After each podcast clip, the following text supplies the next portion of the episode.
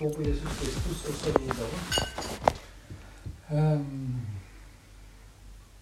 eh, jeg tenker på liksom å en, en stole på, en tro på. Man kan jo høre mye rart. Um, jeg sa jo det, og jeg måtte jo humre litt av meg sjøl. For jeg er jo, er jo av den, den, gamle typen at jeg stoler Altså, Når jeg skal se på nyheter, så setter jeg på nyhetene klokka syv. Altså, Det er Dagsrevyen. Og det er NRK1 som jeg ser på. Jeg, jeg må ta meg innom, for jeg tenker liksom TV 2-nyheter det, det er sjelden og aldri jeg ser på. Så tenker jeg, oi, alle hva er det for noe? Så stoler jeg mer på, på NRK1. Ja, altså Det er litt sånn merkelig. Ja. Liksom når jeg skal se på nyheter, så er det Dagsrevyen eller Kveldsnytt. Det er NRK1. Uh, så um, Ja. Men hva er det vi stoler på? Hva er det vi tror på? Jeg vet ikke om det er noe mer seriøst enn NRK1. Om Statskanalen er noe mer seriøst enn TV 2. Det tror jeg ikke. Det er bare noe jeg innbiller uh, Så det må jeg revurdere, rett og slett. Hva er det jeg tror på, egentlig? Men jeg tror på Jesus Kristus, sier vi. Herren frelser. Ikke sant? Det er Jesus Kristus, Herren frelser. Og jeg sa jo det at jeg husker Og det fins ikke frelse i noen andre. Jeg husker en mann som heter Gudmund Hjortveits. Jeg husker han i Frikirka når det var vitnemøte og sånn. Da, da, han, da sto han, eller satt alltid helt bak, helt inntil veggen der. Og så vil ordet bli gitt fritt. Så kommer han alltid med det samme ordet. Og det var liksom evangeliet klemt i sammen. Og det var bare så tydelig at det, Jeg tror på Jesus Kristus. Altså, det er Det er ikke frelse i noen annen. Det står i apostelgjerningene 4.12. Det finnes ikke frelse. Altså lesper han litt, husker jeg. Det finnes ikke frelse i noen annen. For under himmelen er det ikke gitt mennesker noen annet navn som vi kan bli frelst ved. Det sa han hver gang.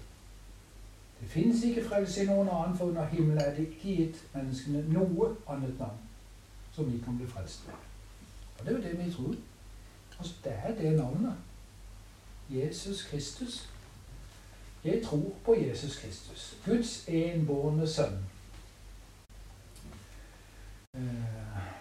Den eneste. Og det stender jo der at han er et avbilde og en utstråling av Guds herlighet. Guds enbårne sønn. Johannes 3, 16. Vi hadde besøk av et ektepar, og det sa jeg ikke der, for det hadde jeg ikke noe. Men jeg har besøk av et ektepar fra Hawaii. Eldre folk på 80-81 år som har vært hos oss noen dager. Og han var kristen i sin tid. Han var veldig ivrig. Men så altså Folk ble ledet til Gud, men han sier han ble ledet vekk fra Gud. Åssen øh, var det? Jo, og han kunne ikke tro på en Gud som straffer. Og så sa han det, det er ikke noe vits, vi, vi tar ikke noen diskusjon på det. Nei, det er greit, vi tar ikke noen diskusjon på det. Uh, men så tenker jeg det er jo ikke det der stemmer. Det stemmer ikke at Gud straffer. Det stemmer jo det at det for så høyt har Gud elsket verden, at han ga sin sønn en enbånd for at hver som tror på ham, ikke skal gå fortapt, med en evig liv. Og så stemmer det Gud sendte ikke sin sønn til verden for å dømme verden, men for at verden skulle bli frelst ved ham. Det tror vi på. Vi tror, vi tror at det var Guds enbåndssønn som ble unnfanget ved Den hellige ånd. Og det er jo altså, tro på jomfrufødselen. Ja, vi gjorde jo det. Altså Det er jo ikke noe mer unaturlig eller noe mer fantastisk eller å tro på at jorda eh, har blitt til, eller universet har blitt til, med at Gud sa 'bli lys', eller uh, sette sola der, sette månen der, og stjernene der, og telle dem. Han sier at uh, han kjenner tallet på stjernene og har gitt de alle navn, tenker jeg, da, da skjønner jo litt av Guds, uh, Guds storhet. Om han da kunne at kunne, Jesus kunne bli unnfanget ved Den hellige ånd, ja, skulle det være noe problem? Nei, det var ikke noe problem. Men det er jo som er så fint at denne i Lukas 1,35 For han kommer jo til, til Maria, og det er jo ser hun føre meg. Det var en dag hun var på kjøkkenet. Foreldrene er ute, rett ut forbi, kanskje ut på marka, holdt på å jobbe der med jorda. Og, og hun holdt på å putle med et eller annet, skal lage noe inne på kjøkkenet, og så wow, plutselig så stender det en lysende skikkelse der. Det er jo ikke noe rart. Jeg hadde jo blitt redd, sa jeg. Men det er lysende skikkelse. Liljen er lys, men eh, den, den skikkelsen hadde vært denne lys, og tenker jeg. Jeg blir livredd. Men dødelse frykter ikke. Du har funnet nåde hos Gud. Det er jo fantastisk helsing. ikke sant? Og hun skjønte sikkert ikke så mye av det der og da. Men så stender jeg jo Ja, men åssen skal, skal, dette gå til, sier hun jo. Jeg vet jo ikke om mann. Jeg er ikke det samme med Josef ennå. Så jeg kan jo ikke, ikke bli gravid. Så står det Den hellige ånd skal komme over deg, og den høyestes kraft skal overskygge deg. Utrolig sånn poetisk sagt. Den høyestes kraft skal overskygge deg. Sånn ble Jesus unnfanga ved Den hellige ånd, født av jomfru Maria. Sann Gud og sant menneske. Han var trøtt, han var trist. Eh, men òg allmektig. Han var født i kuskitt og fjøs. Eh, og det er jo litt sånn spesielt. Han var ikke konge sånn som vi tenker konge kommer i media og blir blåst opp i sånt. Nå har det blitt født en, eh, en arving her. og jeg har ikke engang plass i et vanlig rom. altså Jeg har ikke plass i et vanlig hus engang. Måtte ned i ei grotte under kjelleren der det stinka skitt. Og der var det de to, Josef og Maria, som uh, skulle klare det. Han hadde vel aldri tatt imot noen, og hun var jo aldri født. Det måtte jo være veldig spesielt, tenker jeg. Men født av jomfru Maria. Vi tror på det. Vi tror at hun ble gravid, at det var Den hellige ånd og den høyestes kraft som overskygger henne. Pint under Pontius Pilatus. Pilatus stender jo om at han var stattholder for jødene. altså en person på kongens vegne som ledet en del av et rike. Det var stattholders oppgave, og det var jo det han var. Han var jo en mektig mann. Uh, og det kommer jo dertil for at eh, han skal liksom dømme for det. Jødene kunne ikke, kunne ikke korsfeste. De hadde ikke autoritet til det. De kunne ikke utføre dødsstraff. Uh, og han begynner å spørre han ut. Det, det husker vi jo. ikke sant? Han spør hva du kommer fra. ja, du svarer jo ikke noe. Så kona sier du må ikke ha noe med han der, der å gjøre, for jeg har hatt drømmer. Altså, for hans skyld. Du må ikke, du må ikke ha noe annet da. Men vi vet jo åssen det går. ikke sant? Han, eh, han, blir jo pressa. Pontius Pilatus han prøver jo å si ja, vil du ikke ha han fri? ikke sant? Den der skurken bare bare er det noe å ha? Ja, han vil ha korsfest Jesus. Bare se hvor hengt han opp på det korset med en gang. Ja, nei, men altså ja, Hvis ikke du er det, så er du ikke keiserens venn. Og det er jo da på en måte jeg ser for meg ok, det skal han ikke ha på seg. Han skal jo være venn med keiseren, for han skal jo, han skal jo være oppe i det øvre. Og da sender han bare vaske hendene, og så sender han bare videre. Og pint.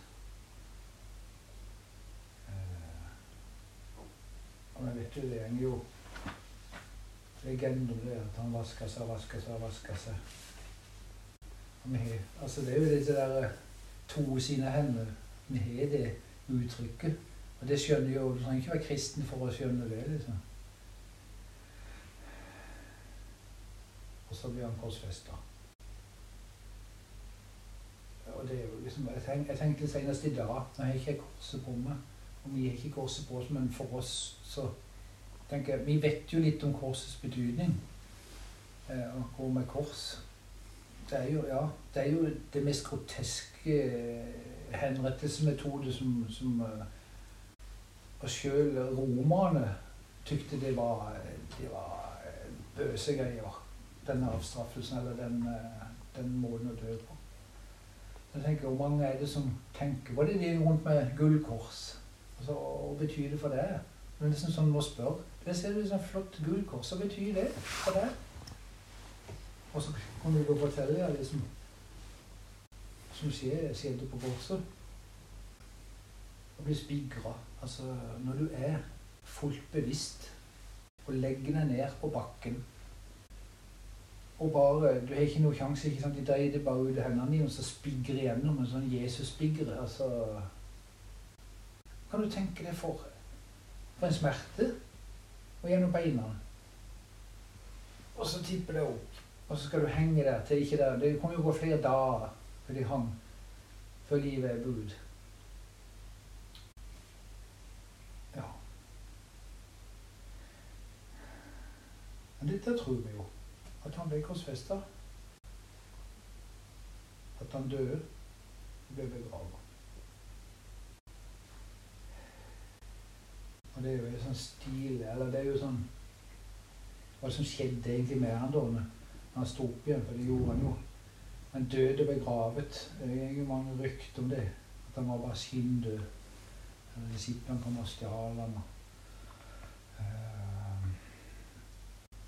Men de så jo at han var død.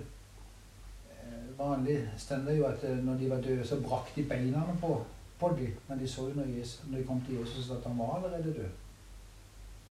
Og da skjønte jo de òg, som brakte øynene, at ja, han er død. Så det var ikke noe tvil om det, at han var død. At han var bare skinndød. At det kunne jo ikke være det. Når du tenker på at han klarte ikke å bære korset sitt opp til Golgata engang. Måtte ha hjelp til det. Så han måtte jo være ufattelig udarma.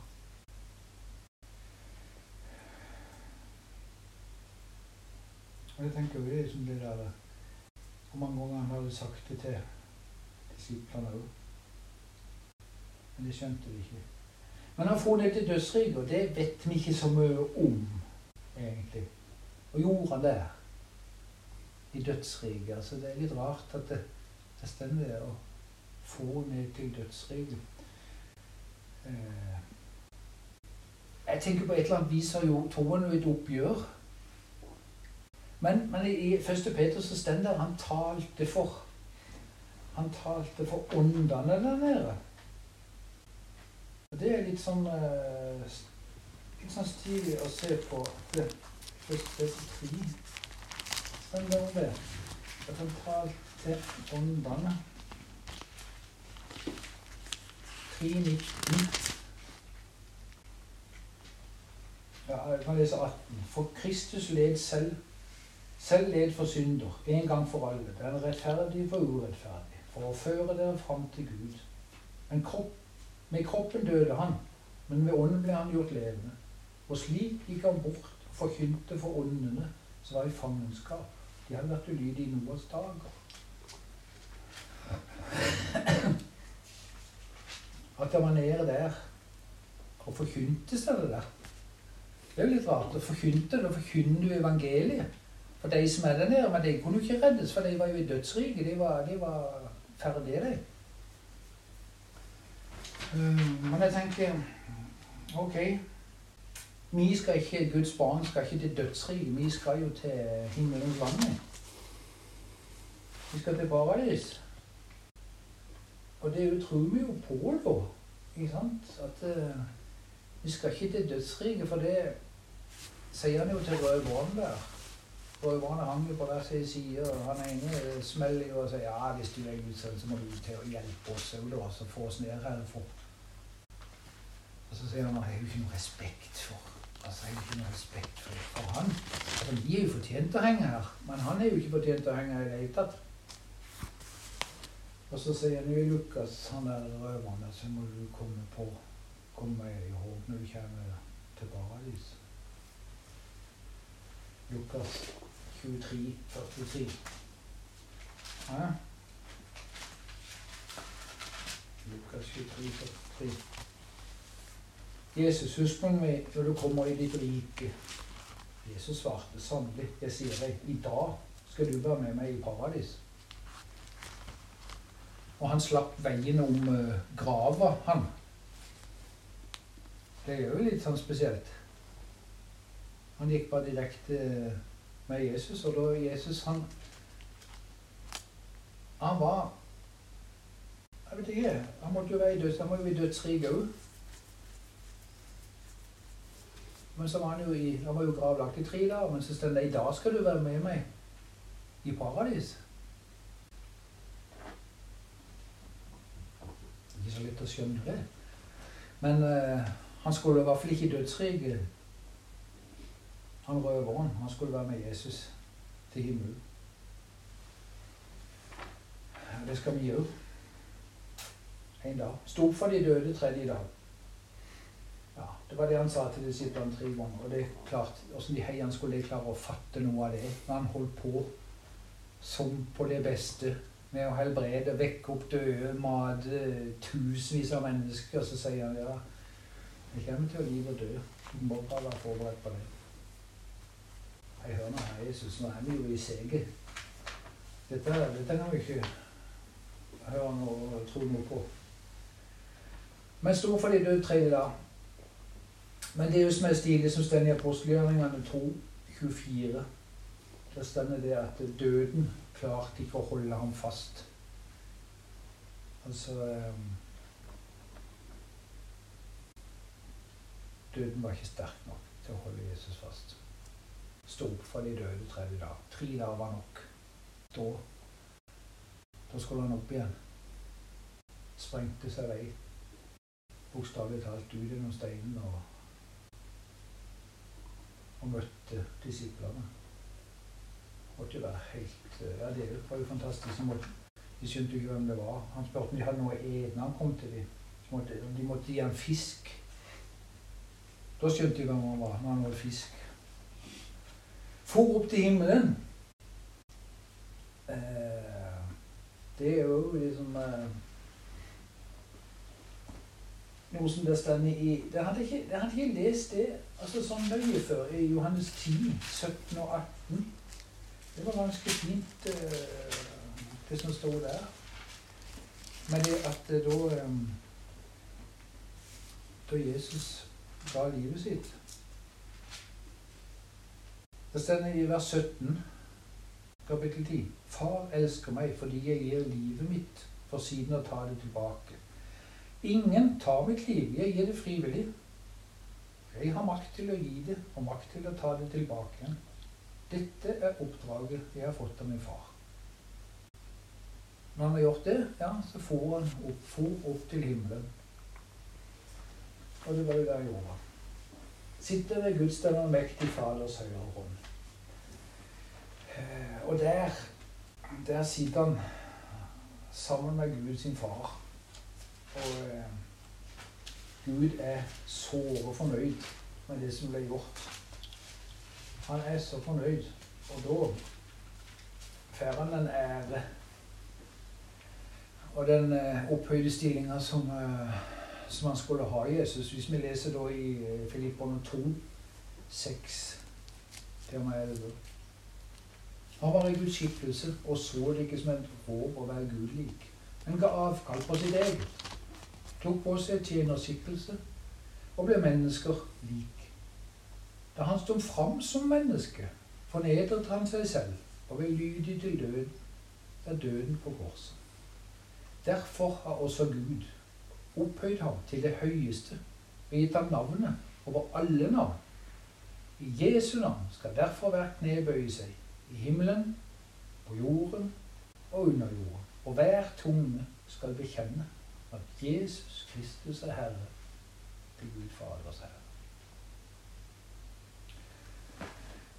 Når jeg leser det verset, så tenker jeg på Preben Aabitsland, han som er, han som er fagdirektør, eller hva det er, for han er vel professor i medisin i Folkehelseinstituttet. Han er jo tidligere for kalte han seg var meg i Hedningssamfunnet, eller hva det var. Da tenker jeg på han, blant annet når det stender.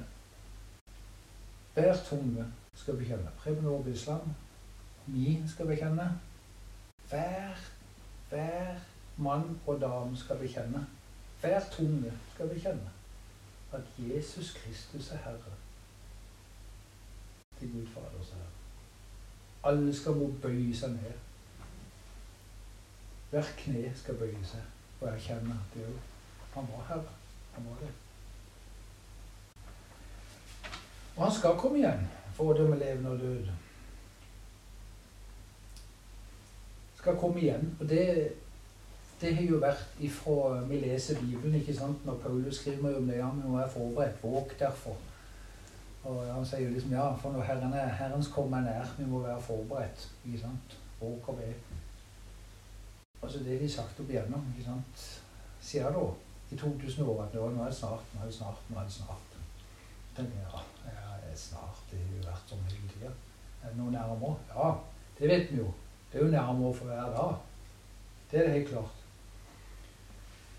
Men uh, det stender det at Gud venter på dommen i sin tålmodighet. Hvis vi leser i 2. Peter 3, 8 og 9, så ser vi at Gud venter. Nå kommer i vers 8. Men én ting, mine kjære, må dere ikke glemme. For Herren er en dag som tusen år, og tusen år som en dag. Herren er ikke sen med å oppfylle sitt løfte, som noen mener. Nei, han er tålmodig med dere. For han vil ikke at noen skal gå fortapt, men at alle skal nå fram til omvendelse. Det er jo derfor han venter. Ingen vet dagen eller timen, og det er sant. Ikke engang sønnen stemmer. Ja.